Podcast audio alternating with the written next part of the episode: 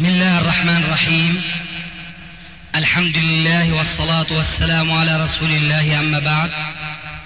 فهذا أحد أشرطة سلسلة الهدى والنور من الدروس العلمية والفتاوى الشرعية لشيخنا المحدث العلامة محمد ناصر الدين الألباني حفظه الله ونفع به الجميع. قام بتسجيلها والتأليف بينها محمد بن أحمد أبو ليلى الأثري. شيخنا أخونا غسان كان جاء يعني ذهب إلى الدرس والهرسك فعنده بعض المعلومات يعني يريد إنه يبلغك إياها إن شاء الله. إن شاء الله يكون فيها خير. سكوت يا إخواننا. نرجو ذلك. الحمد لله رب العالمين والصلاة والسلام على محمد وآله وصحبه أجمعين وبعد. تعلمون ما حصل للمسلمين في البوسنة والهرسك. من إبادة جماعية وتشريد وتأخر المسلمين في إغاثتهم. والمهمة التي ذهبنا من أجلها أن نرى إن كان هناك إمكانية للدعوة إلى الله عز وجل حتى لا تتكرر المأساة التي حدثت في أفغانستان. ولما علمنا أن مؤسسة الحرمين والتي كانت قد شكلت من قبل لجنة من الأفاضل من الذين يعرفون ما حصل في أفغانستان وكانوا من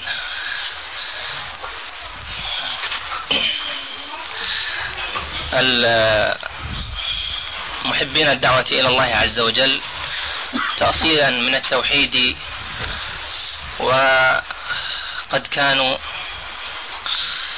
مع الشيخ جميل رحمه الله في أفغانستان. وما تكلموا فيه من سبب الفشل الذي حصل أخيرا. رأوا أن لا تتكرر المأساة هناك فكانت هذه المؤسسة تنظر إن كان هناك إمكانية وعلى خطة متواضعة إن شاء الله تعالى. تقوم باستقطاب أئمة المساجد من البوسنويين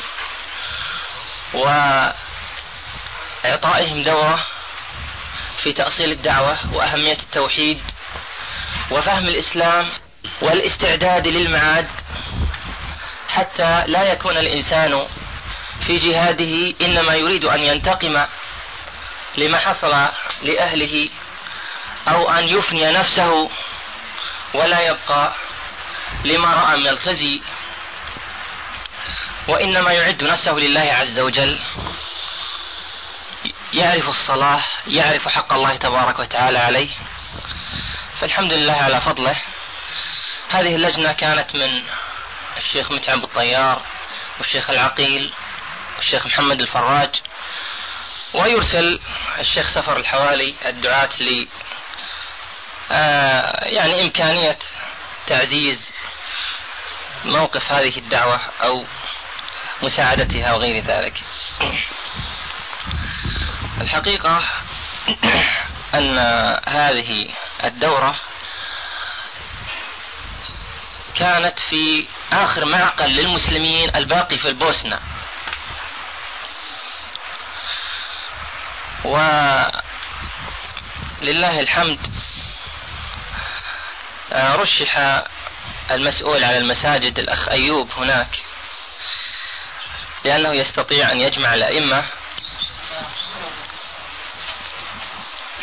وهو هذه البلد. وهو نعم من هناك. يأتي الأئمة ويحضروا هذه الدروس تقريبا خمس دروس في اليوم. لمدة عشرة أيام. لله الحمد حضرنا بعضها لنعرف ما هو هذا التأصيل ومدى قوته ونفعه لهذا الإنسان.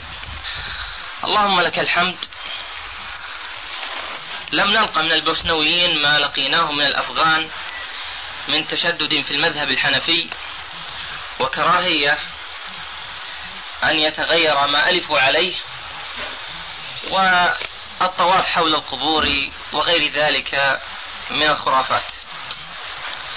الأمر الذي جعل هؤلاء يرحبون ترحيبا كبيرا وخاصة أن المال كان يجعل حاجتهم آه، لا تتوقف عن الرضوخ والقبول على الأقل حتى يسمع ما نقول. فكنا نسمع ولله الحمد درسا في طرد الصوفية. وأفكارهم. أنتم تأخذون علمكم ميت. عن من؟ عن ميت. أين هذا الميت؟ ونحن نأخذ علمنا من الحي الذي لا يموت. الحمد لله. يعني تصور في هذه الدورة بدأت الأمور الأساسية. وما تجر هذه الأمور من عدم تعظيم الأشخاص وبالتالي إلى تقليدهم. وحضرنا أيضا درس أين الله في السماء وكذا وغير ذلك. ففرحنا فرحا شديدا أن تكون هذه البداية القوية التي تبين الولاء والبراء وحقيقة التوحيد. آه، في رحلتنا صاحبنا أحد الإخوة من البوسنويين يجيد اللغة العربية والكثير منهم يجيد اللغة العربية. تعلمها من آه، منطقتهم اسمها سراييفو هناك كلية شرعية.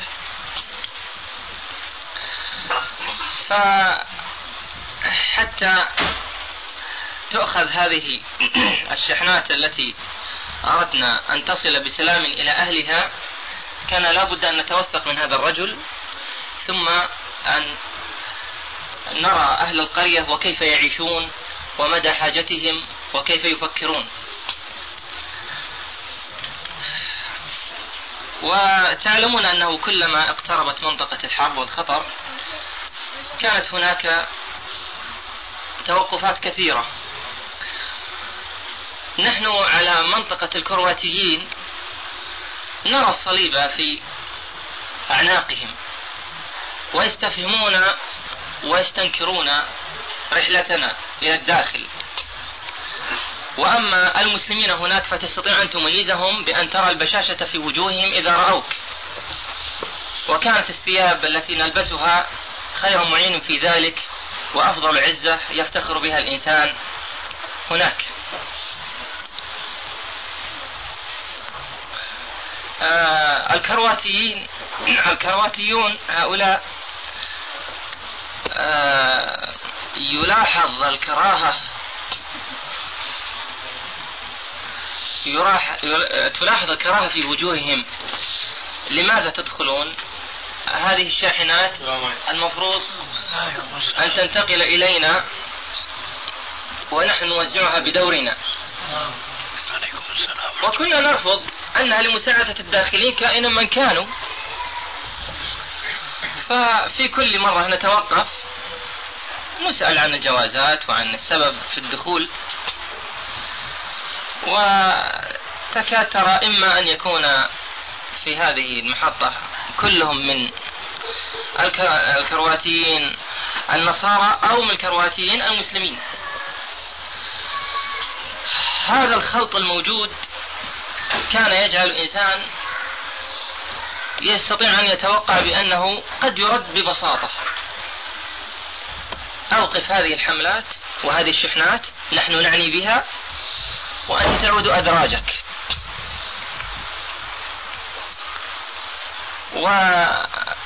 والحقيقة لما وصلنا إلى هذه القرية وهي المسمى بتشن وقد نزح أهل القرية الذين أردنا أن نوصل إليهم الشاحنة إلى كيلومترات إلى الخلف بسبب أن العدو كان يضرب أخذ حقولهم ومزارعهم. في هذه القرية نعجب إذ يقول لنا هذا البوسنوي المسلم هذه بيوتات للنصارى هذه بيوتات المسلمين هذه بيوتات للصرب. فعجبنا جاء اليوم الثاني اشتد القصف في هذه القرية التي نحن فيها. فقال لا أعجب أن تكون المعلومات قد وصلت إلى الصرب في ضرب هذه الشحنة التي معنا.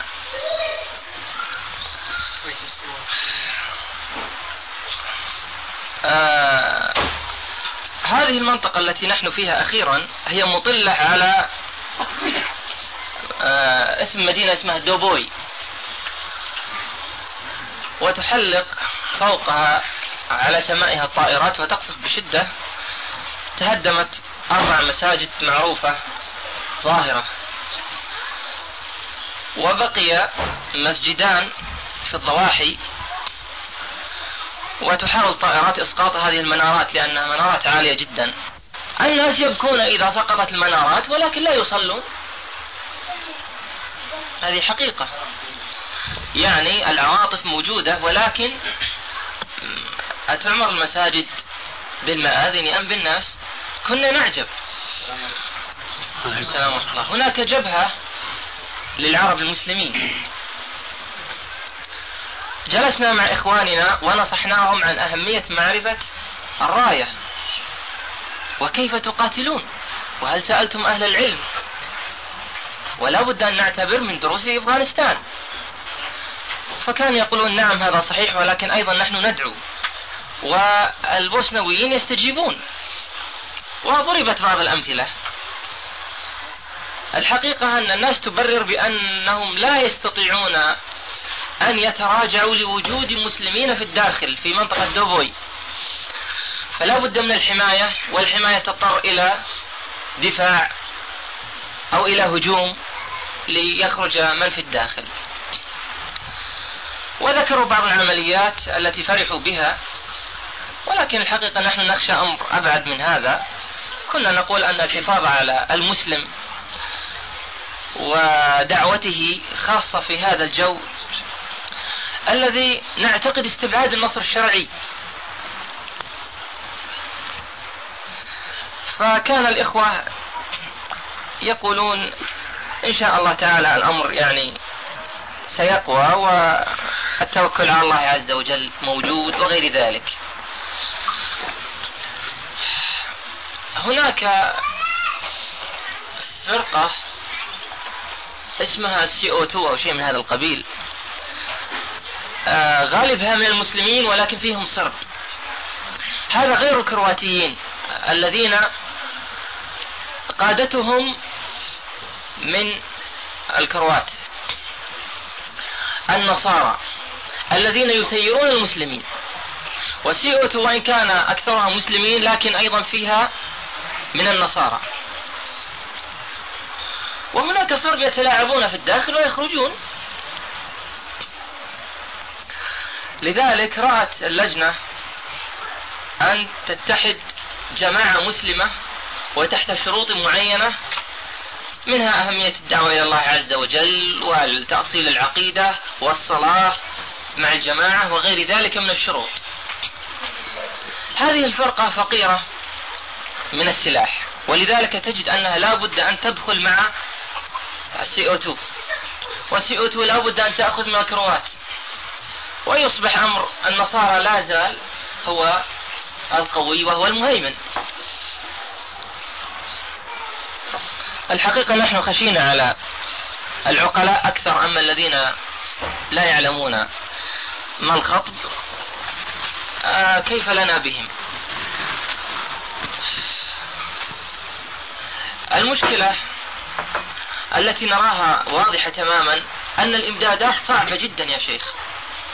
فالنصارى محيطين بالبوسنة إحاطة قوية جدا.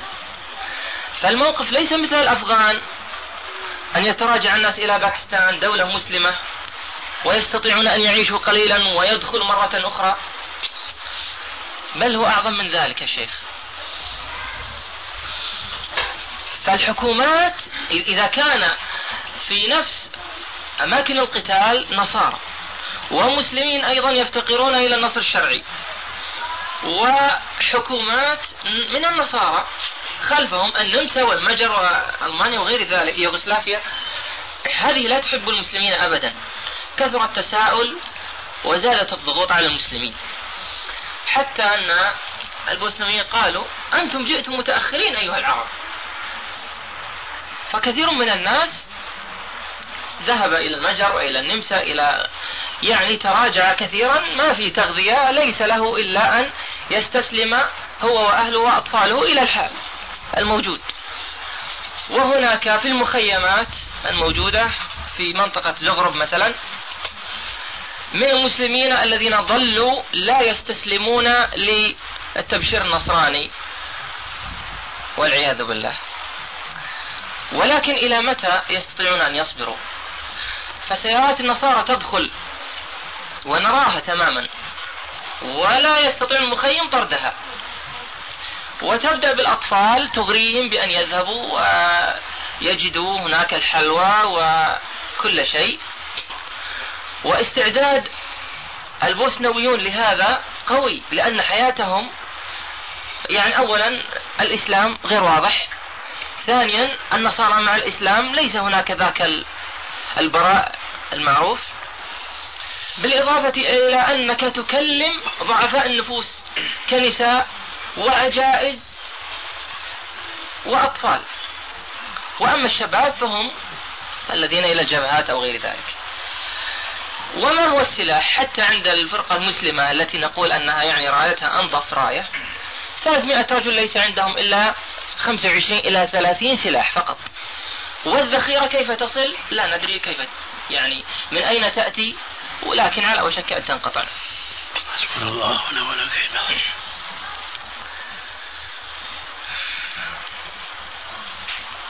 الحقيقة مصيبة أخذ الأطفال إلى الكنائس فاجعة عظيمة جدا. ولم تتحرك طائرات المسلمين لتأخذ من هؤلاء وتؤويهم أو تستأجر لهم أرضا وتنفق عليهم أو غير ذلك.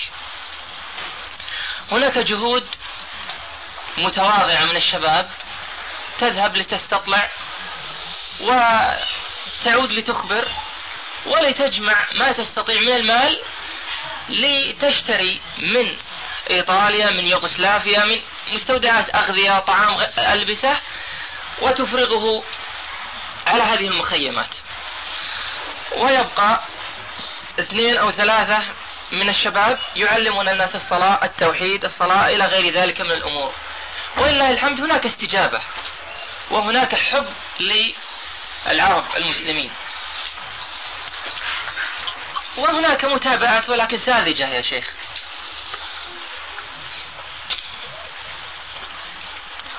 الناس يغلب عليهم اليأس من تعلم الإسلام. أذكر مثال في روزر. في روزر وهي بعد منطقة سبليت يعني إلى الداخل قليلا. لكنها بعيدة عن الجبهات. تكلمت بعد الجمعة عن حق الله عز وجل علينا وكيف نستعد للحساب ولا بد أن نصلح مشاعرنا وغير ذلك. وكان عددا كبيرا إنما حضروا للمولد النبوي في يوم الجمعة. ولكنها فرصة منحني الإمام حتى أتكلم معهم. قلت لعل في صلاة العصر يزداد العدد. مما سمعوه من الكلمة التي ذكرناها وترجمت. فلم أجد إلا خمسة من العجائز. وإلا العادة في هذا المسجد أن لا يصلي إلا الإمام البوسنوي وابنه هو الذي يقيم الصلاة. فهم كلهم اثنان أو ثلاثة فقط. طيب البوسنويين هؤلاء الموجودين يئسوا من شيء اسمه تغيير ما ألفت ما ألفت عليه. وأخذ الأمر في عقله يدب في أنه مظلوم. والعواطف كما تعلم تكلمه في الصلاة تكلمه في هذا يقول أنا مسلم. إذا قلت له لك كيف تستعد إلى الله؟ قال أنا مختون. وكأن هذا هو الذي يعرفه. هذا موجود حتى في الجبهات يا شيخ.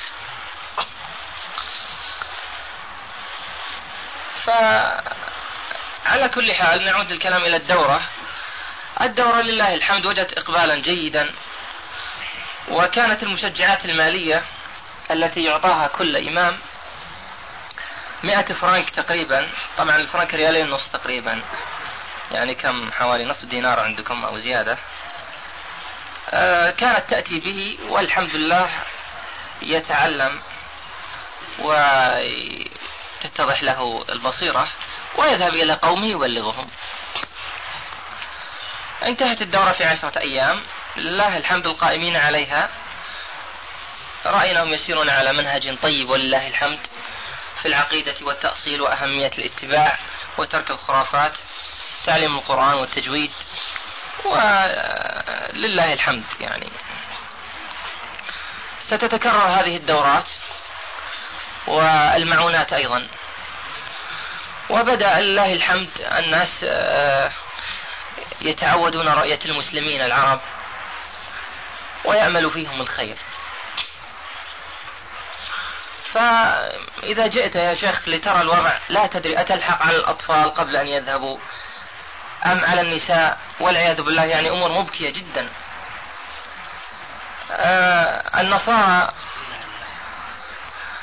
يذهب إلى المخيمات عفوا يذهب إلى المهاجرين الذين أخذتهم الكنيسة ويختار أجمل فتاة مسلمة ويبات معها شهرا ثم بعد ذلك يطردها ويغيرها. حال يعني جدا مؤسف.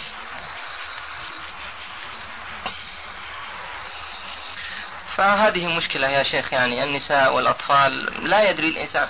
يعني ذهب الرجال أطفالهم أولادهم نساؤهم ذهبوا للتنصير ببساطة. حال لا يوصف. أخيرا من الأسرى الصربيين أجبروا على حفر المقابر التي عرف أن هناك مقابر جماعية أبيد فيها كثير من المسلمين. وجدت جثث كثيرة مضروبة جماجمها بالفؤوس. قال هذا الساذج إن يعني هيئة الأمم إذا علمت بأن هناك من ضرب بالفأس إن كان من النساء أو الأطفال فسوف تضرب الصرب مساكين إحنا. هذا واحد مسلم الذي يتكلم يعني ويتكلم بحرقة. فأحوال أحوال يا شيخ يعني لا يكاد هذا الإنسان ينظر إلى إلى هؤلاء كيف يعالجهم من أين يبدأ؟ والراية كما ترى. طيب كيف كنت تتفاهم معهم؟ حسنوي الذي هو معنا كان يتكلم العربية بطلاقة وكان يوضح المراد. يعني أنت لما تلقي كلمتك هو يترجمها جملة جملة أم بعد أن تنتهي منها؟ آه، أخذ العبارة من آه، تقريبا ست كلمات أو سبع كلمات ليوصلها إليهم. لأنني آه، ألاحظ في هذا الرجل عدم المعرفة الشرعية الكافية التي يستطيع بها أن يدخل إلى أذهانهم. ولا شك يعني كلمة كلمة ممكن أن تكون تضيع المعنى العام ولكنه كان آه، واضح في بيانه وشرحه ولله الحمد وفرح بما سمع ويقول أنا أعرف هذه الأحاديث أنا أعرفها حق المسلم على المسلم ست إذا لقيته وهكذا وما تذكره جيدا والناس يعني فرحين بذلك. طيب الإغاثة كيف تصل؟ من أي طريق؟ الحقيقة أن الإغاثة إن كانت على مستوى الخليج فهي تتقسم إلى ثلاثة أقسام. لا أقصد كيف تصل إلى تلك البلاد. الإغاثة التي دخلنا بها أم الإغاثة لا أنا بذهني التي لك علاقة بها. التي نعم. هذه الشاحنة نحن معها طوال الوقت يعني إلى أن وصلت إلى أهلها. هذا جهد فردي. يعني بطريق البر البر. مرورا بتركيا لا ليس تركيا إذا نحن خرجنا من زغرب طيب زغرب أين تقع؟ يوغوسلافيا كيف وصلتم إلى زغرب؟ آه طائرة أوصلتنا إلى آه فيينا النمسا ثم من النمسا تعدينا سلوفينيا وأوصلتنا إلى زغرب ومن طيب. هناك المكتب مكتب الإغاثة هناك والشاحنة تأتي من أين؟ الشاحنة استأجرها من النصارى طيب. أتى و... بها من من الداخل من قريته. وهي مشحونة. لا هي فارغة ولكن استأجرها ليملأ بها ما يستطيع من الإغاثة. إيه أنا أسأل الإغاثة هذه من أين يشتريها؟ الإغاثة إما أن تأخذها من الموانئ ترسلها السعودية هناك تصل إلى إيطاليا ممكن. أو تشترى من من يوغوسلافيا. مثلا على سبيل المثال يا شيخ في سبلية الإغاثة الكويتية تقول نحن ليس عندنا مستودعات نحن عندنا أموال ونحن مسؤولين عن الأدوية فقط.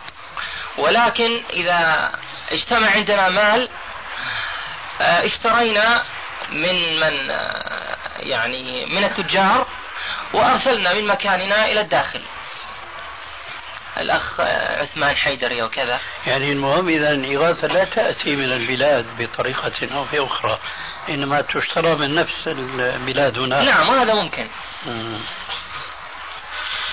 الله المستعان. هذه الأعمال الفردية حتى الإغاثة هذه الطعامية إذا صح التعبير. لا تسمن ولا تغني من جوع لأنها أعمال فردية. والمؤسف أن هذه الأعمال التي يجب أن تقوم بها الدول لو كان هناك دول تشعر بالمسؤولية وتتحمل المسؤولية كانت هي عليها أن تتولى. ليس فقط تقديم الإغاثة هذه من الطعام والشراب وإنما من الجنود والسلاح. لكن مع الأسف الأمر كما قال عليه السلام في الحديث المعروف ولكنكم غثاء كغثاء السين ولا ينزعن الله الرهبة من صدور عدوكم ولا يقذفن في قلوبكم الوهن. قالوا وما الوهن يا رسول الله؟ قال حب الدنيا وكراهية الموت. فنحن كنا نتحدث في بعض الجلسات ونقول إن ذهاب بعض الأفراد من المسلمين من السعودية أو من غيرها وإن كنا لم نسمع بعد من غيرها أن يذهبوا إلى هناك في سبيل الجهاد فهذا أمر سابق لأوانه وهذا أقل ما يقال. أما الذهاب في سبيل الدعوة كما أنت تتحدث الآن فهذا أمر مهم جدا وهو الأصل في هذه الأيام. ليس في بلاد الغربة الغربة التي كنا نتحدث عنها قبل مجيء الأخ. لأني كنت في صدد التحدث عن قولي عليه السلام إن الإسلام بدأ غريبا وسيعود غريبا فطوبى للغرباء. فالإسلام غريب في بلاد العرب التي منها نبع الإسلام ومنها انتشر الإسلام إلى بلاد الأعاجم وبهم اهتدى الأعاجم. فإذا كان الإسلام غريبا في بلاد العرب فهو سيكون أشد غربة في بلاد العاجم وهذا ما شوهد في أفغانستان مع أن الأمر هناك كان آه، يندفع عن عقيدة إسلامية في الجملة. أي عن الجهاد في سبيل الله عز وجل. أما في البوسنة والهرسك لا تسمع لمثل هذا الكلام. أما في البوسنة والهرسك لا تسمع لمثل هذا الكلام ركزا ولا تجد له حسا. الغربة هناك أشد وأشد بكثير. فإذا ذهب بعض الجماعات أو بعض الهيئات أو بعض الأفراد في سبيل الدعوة إلى الله عز وجل وعلى هذا منهج من الكتاب والسنة وما كان عليه السلف الصالح فهذا هو الواجب اليوم. هذا هو الواجب اليوم. أما الجهاد فهذه الدماء التي ستراق هناك تذهب هدرا دون فائدة تذكر إطلاقا لأن الأمر هناك كما لعلك لمست لمس الواقع أو كما قلت آنفا هم محاطون بالبلاد بالدول الكافرة خلاف ما كان الوضع في أفغانستان. وأفغانستان كان هناك بوابة واسعة جدا مفتوحة للمسلمين في كل العالم الإسلامي. ولذلك فكانت المساعدات هناك قوية وقوية جدا. ولعل ذلك من أسباب اقتراب الأفغانيين لاقتطاف الثمرة لولا الفرقة والتعذب الذي أوقع بينهم وذهبت أتعابهم مع الأسف الشديد على الأقل إلى اليوم ذهبت أدراج الرياح بدون فائدة تذكر. أما الوضع في البوسنة والهرسك فهي نقطة في بحر من الكفر ومن الضلال. ولو كان هناك دولة مسلمة تهتم بشؤون المسلمين أينما كانوا ومن كانوا ربما تقاعست عن القيام بواجب الجهاد لعلمها أنها لا تستطيع أن تجاهد في هذا البحر من الكفر والضلال. ومجلس الأمن أو الأمم هو ضد المسلمين في كل بلاد الدنيا.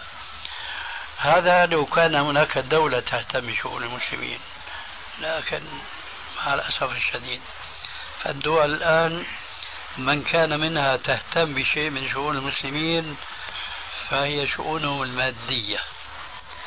الاقتصاد والاجتماع والمظاهر الفارغة أما الاهتمام بتركيز العقيدة الصحيحة والأخلاق الإسلامية فهذا أمر لا تهتم به دولة إسلامية إطلاقا. ولذلك فأنا أرى من من إلقاء النفس في التهلكة أن يذهب بعض الناس إلى هناك بزعم الجهاد في سبيل الله. لم ترفع راية هناك للجهاد في سبيل الله. لكن الجهاد في سبيل الله بالمعنى الأوسع هو موجود في كل مكان وفي كل زمان. وهو الدعوة إلى الله عز وجل.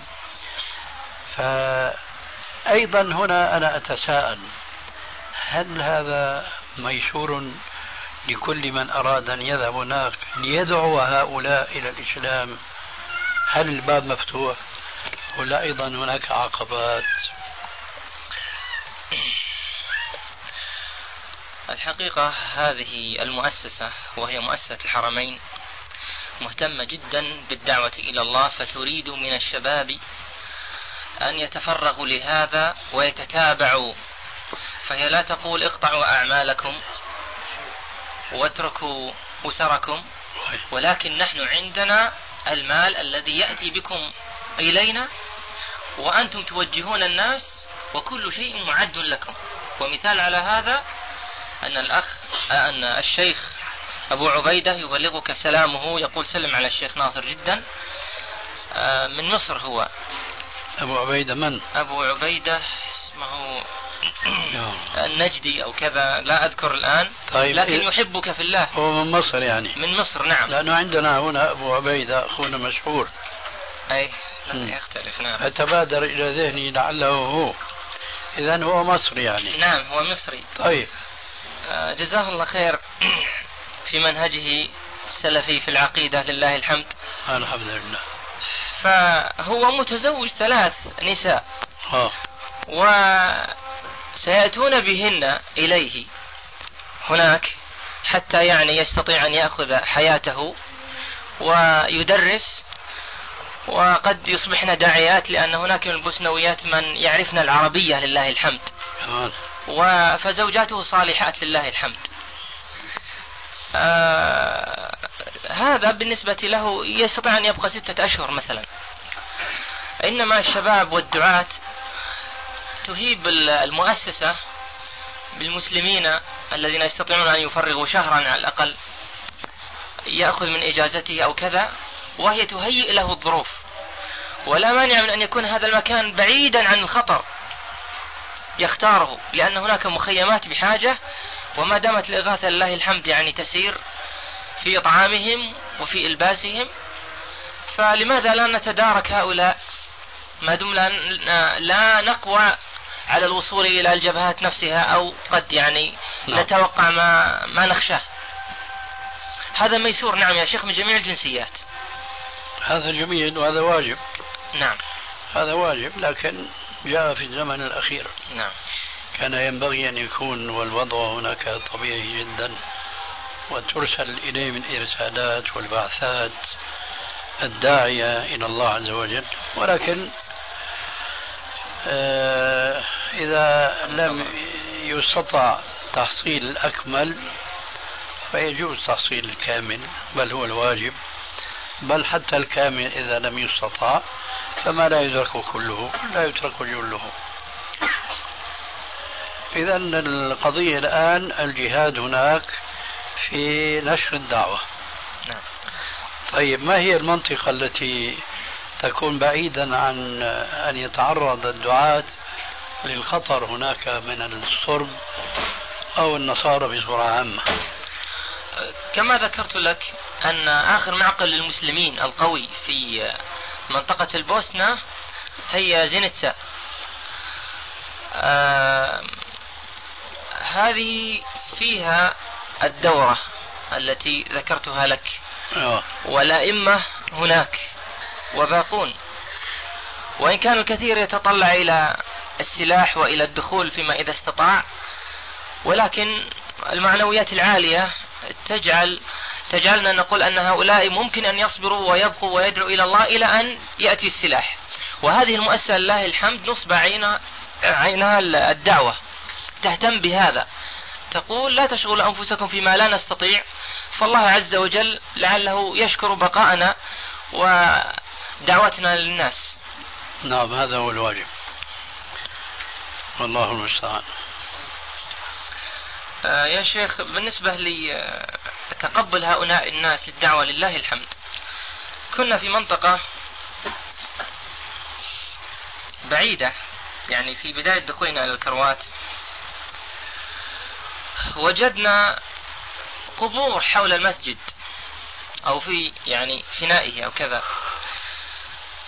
ففرح بنا أهل القرية حتى كاد يعني ينادي بعضهم بعضا ليروا ثيابنا والعرب وجدا. يعني أصبحنا مرأى للناس والعجائز يركضون في الشوارع حتى يرون من هؤلاء. عرب. عرب. أنا لما كنت في بلادنا كان يجي مطوف من المطوفين نعم. مشان ياخذ حجاج معه وغايته هو المال. كانوا يتباركوا فيه. يمكن يكون هو أجهل الناس. وحدثني أخي رحمه الله منير أن أحد المطوفين الذين كان نزل في داره هناك في مكة نعم. يقول عنه إنه ملحد. مع ذلك مجرد ما يشوفوا هذا المطوف يتباركوا فيه ويهجموا عليه لأنه هذا عرب. كلمة العرب عندنا في اللغة الألبانية تساوي مسلم. ها؟ هذا هو. نعم. تساوي مسلم. فلان عرب يعني مسلم فيتباركون فيه.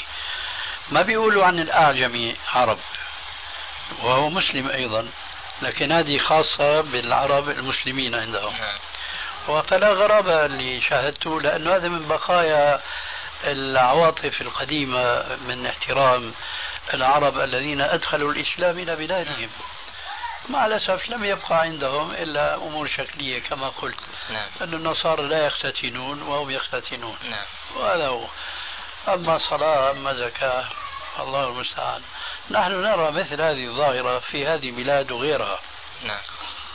كنت أرى في في سوريا الشباب جالسين في المقاهي وهم يلعبوا بالطاولة بالشدة بكذا إلى آخره يسمعون أذان بالميكروفون من المسجد تجدهم يدعون اللعب وينهضون قياما هذا إيش؟ احترام للأذان نعم. وسرعان ما الاحترام يطيح ويجلس في أرضه ولا أحد يتحرك يذهب المسجد. فما بقي عنده مع الأسف هذا صحيح. إلا هذا الأمور الشكلية نعم.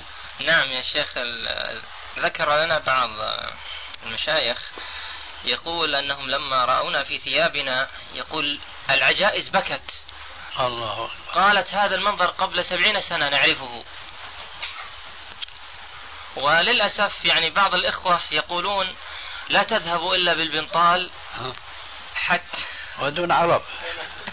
ودون عرب. أي. حتى يعني لا تتعرضوا للإحراج أو الناس يعني آه، آه، ترى فيكم مطمعا أو غير ذلك. يعني هذول على مذهب غزالي العصر. نعم. كان كان كان ينكر على الدعاة لما يذهبون إلى أمريكا نعم. بالقميص القصير والى اخره هؤلاء ينفرون. الله نعم. آه كنت أقول أن هذه القبور التي هي حول المسجد. دخلنا المسجد وتكلمنا مع الإمام. وقلنا له كيف آه، مسجد وقبر وكذا؟ قال أنا أعلم ما تقولون وأنا معكم في ذلك. يقول لكن هذه القبور إنما أخرجناها عظام للمسلمين هي. لأن الشيوعية أرادت أن تبني في مقبرة المسلمين مستشفى وترمي ب يعني تنبش المسلمين وترمي بعظامهم. فجئنا بها ولا نستطيع أن نحفظها في غير هذا المكان وهي خارج المسجد. يعني الحمد لله ليس هناك طواف حول الأولياء لله الحمد وليست هناك رواسب يتعلق بها هؤلاء الناس. يعني هذا كلام مقول يعني عن الأئمة أنفسهم الذين يتكلمون في كل جمعة. نعم. فلله الحمد. يعني مجال الدعوة والتوحيد لله عز وجل ميسور. ميسور لله الحمد. الحمد لله. نعم.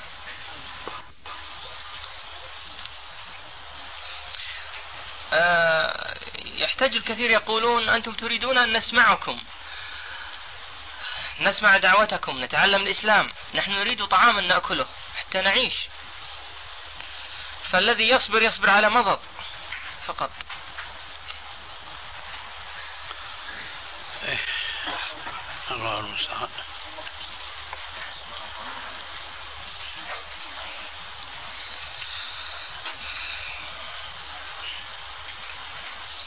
فتنة تدع الحليم حيرانه هذه مشكلة يا شيخ. هناك شيء آخر غير هذا الموضوع تماما. فيه رجل من فلسطين وهو صوفي متشيع. ينال من معاوية ويزيد وغير ذلك على المنبر دائما. أين؟ في النمسا. وكان يحاول أن يستحوذ على عقول البسطاء من المسلمين بأنه تلميذ لك وأنه قرأ القرآن عليك. عجيب. نعم. واسمه عدنان أو المهم أننا أحضرنا شريطه لتسمعه جميل. المجلة في النمسا قاومته وكذبته على افترائه لك مجلة إيش؟ مجلة الكلمة الطيبة آه. من يصدرها؟ آه جماعة من المسلمين يحتاجون إلى وضوح أكثر في المنهج طيب نعم ما فعلوا به ماذا؟ فردوا عليه وكذبوه. كيف تدعي هذا؟ والشيخ ناصر يعني لا نعرف أن أحد يقرأ عليه القرآن و... وتخصصه في مجال الحديث وغير ذلك. إيه، نعم. وردوا على بعض افتراءاته. المهم يقولون نحن نريد فقط كلمة من الشيخ ناصر في است... في الاستنكار إذا كان من الممكن. فجئت أنا بالشريط وادعاءه عنك ليس موجود آه، ادعاءه أنه تلميذك ليس في الشريط. آه. ليس في الشريط. ليس مسجلا. لا ليس مسجلا. إذا ما هو المسجل؟ المسجل هو آه أنه ينال من معاوية ومن يزيد والرجل يعني متهالك في العقيدة. أنت رأيته؟ لا لم أره. إنما نقل إليك. ولكن الشريط موجود. حاولت أن أراه وهو يتكلم للأسف في مركز يعني للمسلمين مركزا قويا. هذا يجب إذا لفت نظر المسؤولين. سنذهب. سنذكر ذلك إن شاء الله. لكن هم يريدون منك يا شيخ لأن ردك على كلامه يبين أمور أخرى أيضا. لكن ينبغي أن يكون كلامه مسجلا. هذه الكلمة لا. نعم. هذه الكلمة وهي أنه تلميذك ليست في الشريط. فإذا على ماذا نرده؟ على الشريط وما فيه. هذا هو أنا مستعد. فالناس يفهمون هذا. إن شاء الله. نعم.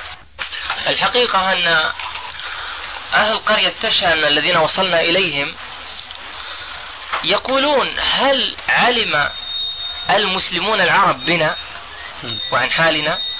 لا ندري. هل تصلهم أخبارنا؟ قلنا لهم لو وصلت كيف نستطيع أن ندخلها إليكم؟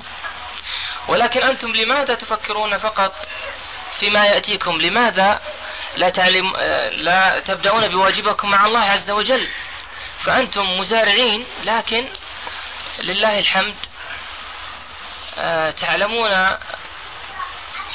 آه، أن الإسلام أنكم قتلتم من أجل الإسلام وأنكم ترفضون النصارى وترفضون أعداءكم. وإنما أنتم مسلمون لأن لكم جنة عرضها السماوات والأرض. فافزعوا إليها. هذا الذي كنا حقيقة نقول لهم حتى لا يركنوا إلى فقط ما يأتيهم. لأنه يا شيخ هناك يأس أن يغير حاله. ليس يأس المتباكي وإنما يأس غير المهتم. نعم. نعم. هذا أمر طبيعي يا أخي. أعرضوا عن الله فأعرض الله عنهم. وإن تنصروا الله ينصركم. هذه آية توجه إلى عامة المسلمين كلهم بحسب تقصيره مع ربه عز وجل. طيب ألا يكون بعضهم يا شيخ من أهل الفترة؟ لا شك. نحن نؤمن بهذا في بلاد العرب.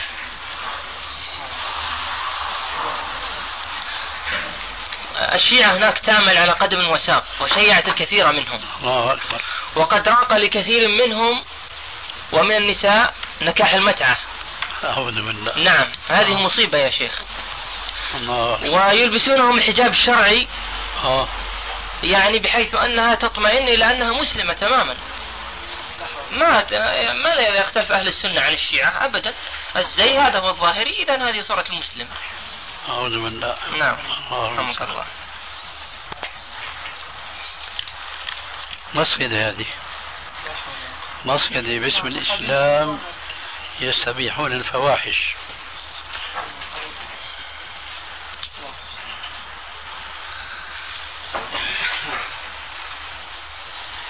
ولهم نشاط مع كذلك وين؟ وين؟ في السودان. في السودان. نعم ترابي فتح لهم الأبواب.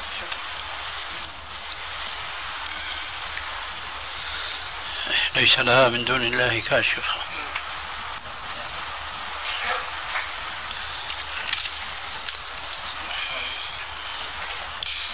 أشياء كثيرة توقفت يا شيخ عن المحلات لا تبيع شيئا. المحلات لا تبيع شيئا من الطعام. ولكن تبيع الدخان السيجارة الله والمشروبات الروحية. الله أكبر. الله أكبر.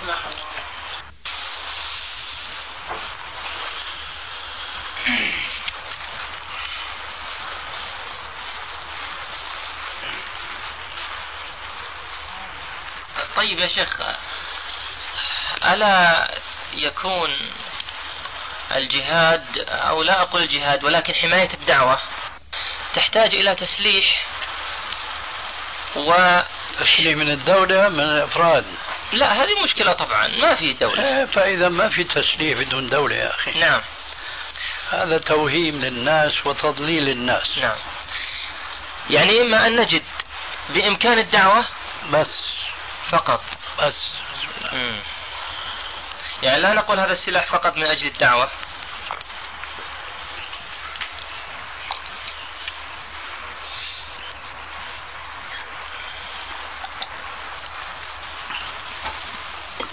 مهما جئت من سلاح نعم. فهم سيعتبرونك أنك جئت خصما لهم. نعم. فيدخلونك في المعركة رغم أنفك. وحينئذ فلا نجاح لأن المعركة غير متساوية. والسبب أننا أهملنا كثيرا من أوامر ربنا عز وجل وبخاصة ما كان منها متعلقا بقتال الأعداء. مثل وأعدوا له ما استطعتم من قوة. نعم. طيب. وين هذا الإعداد؟ نعم. لدفاع عن الدعوة بنقول الآن.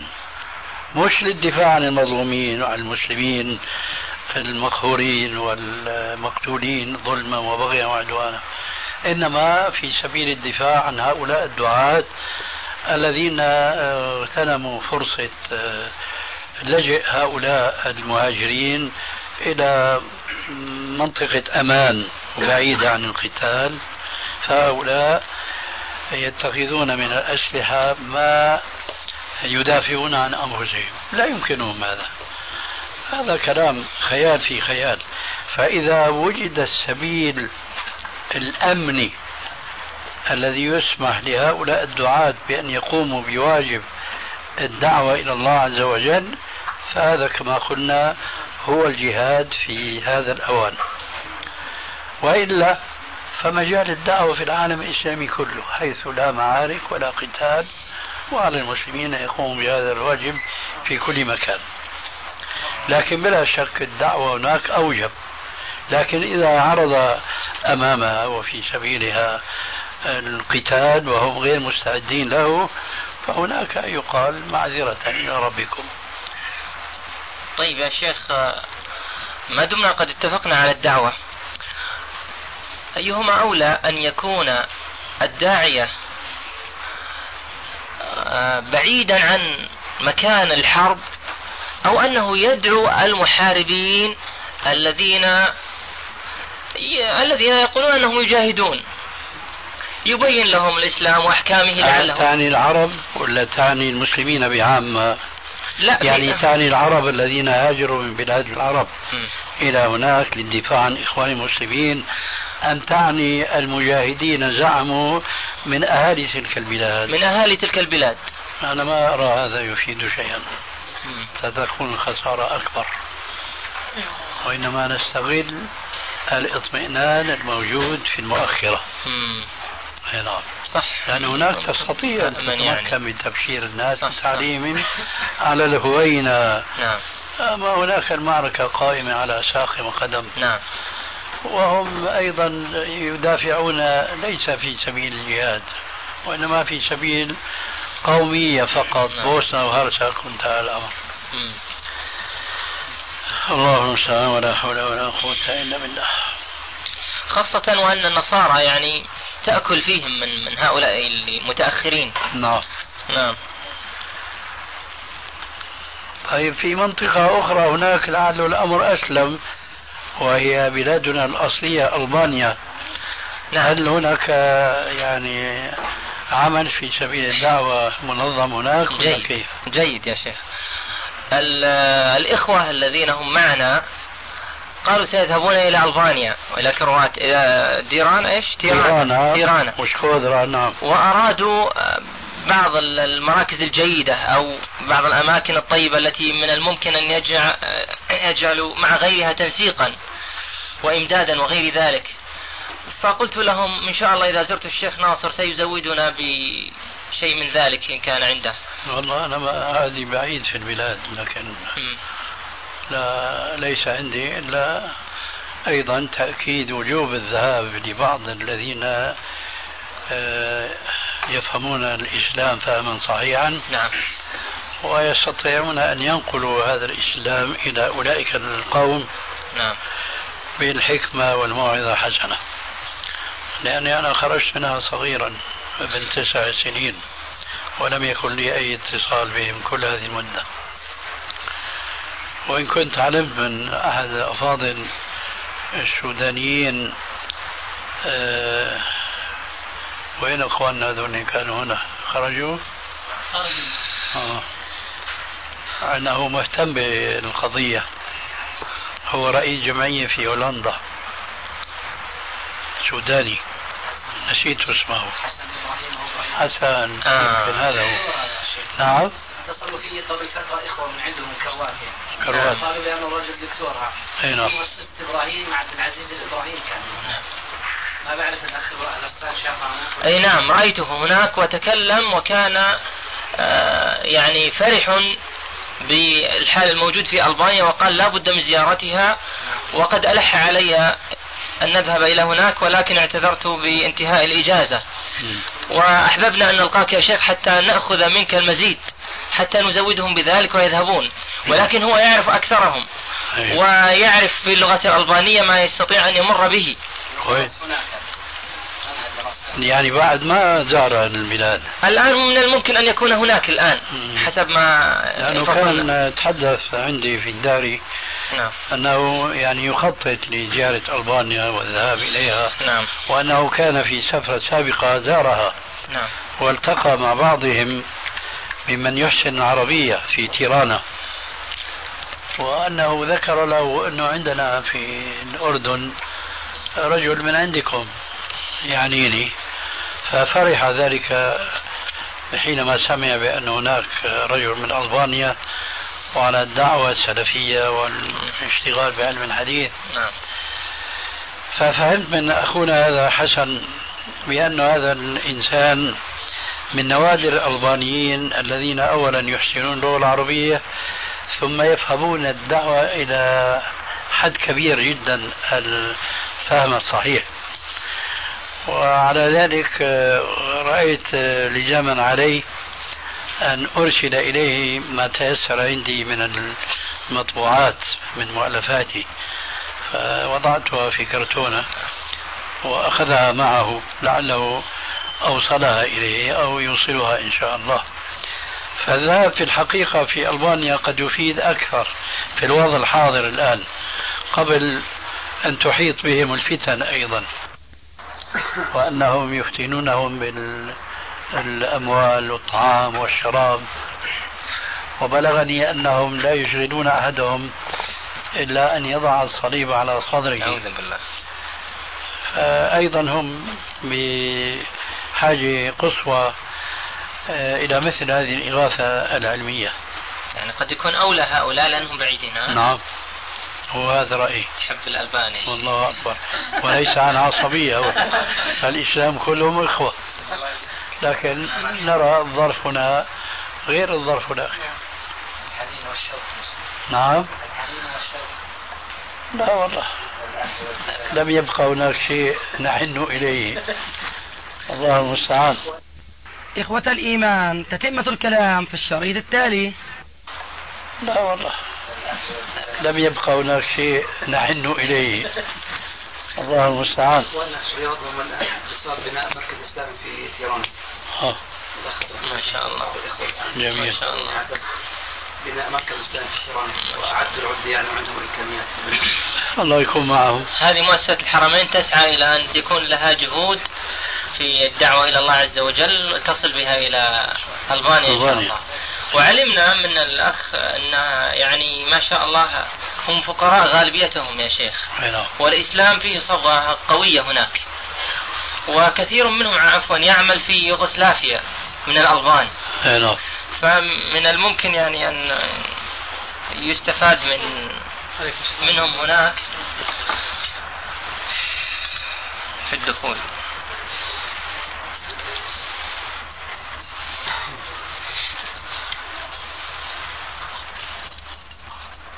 اللغة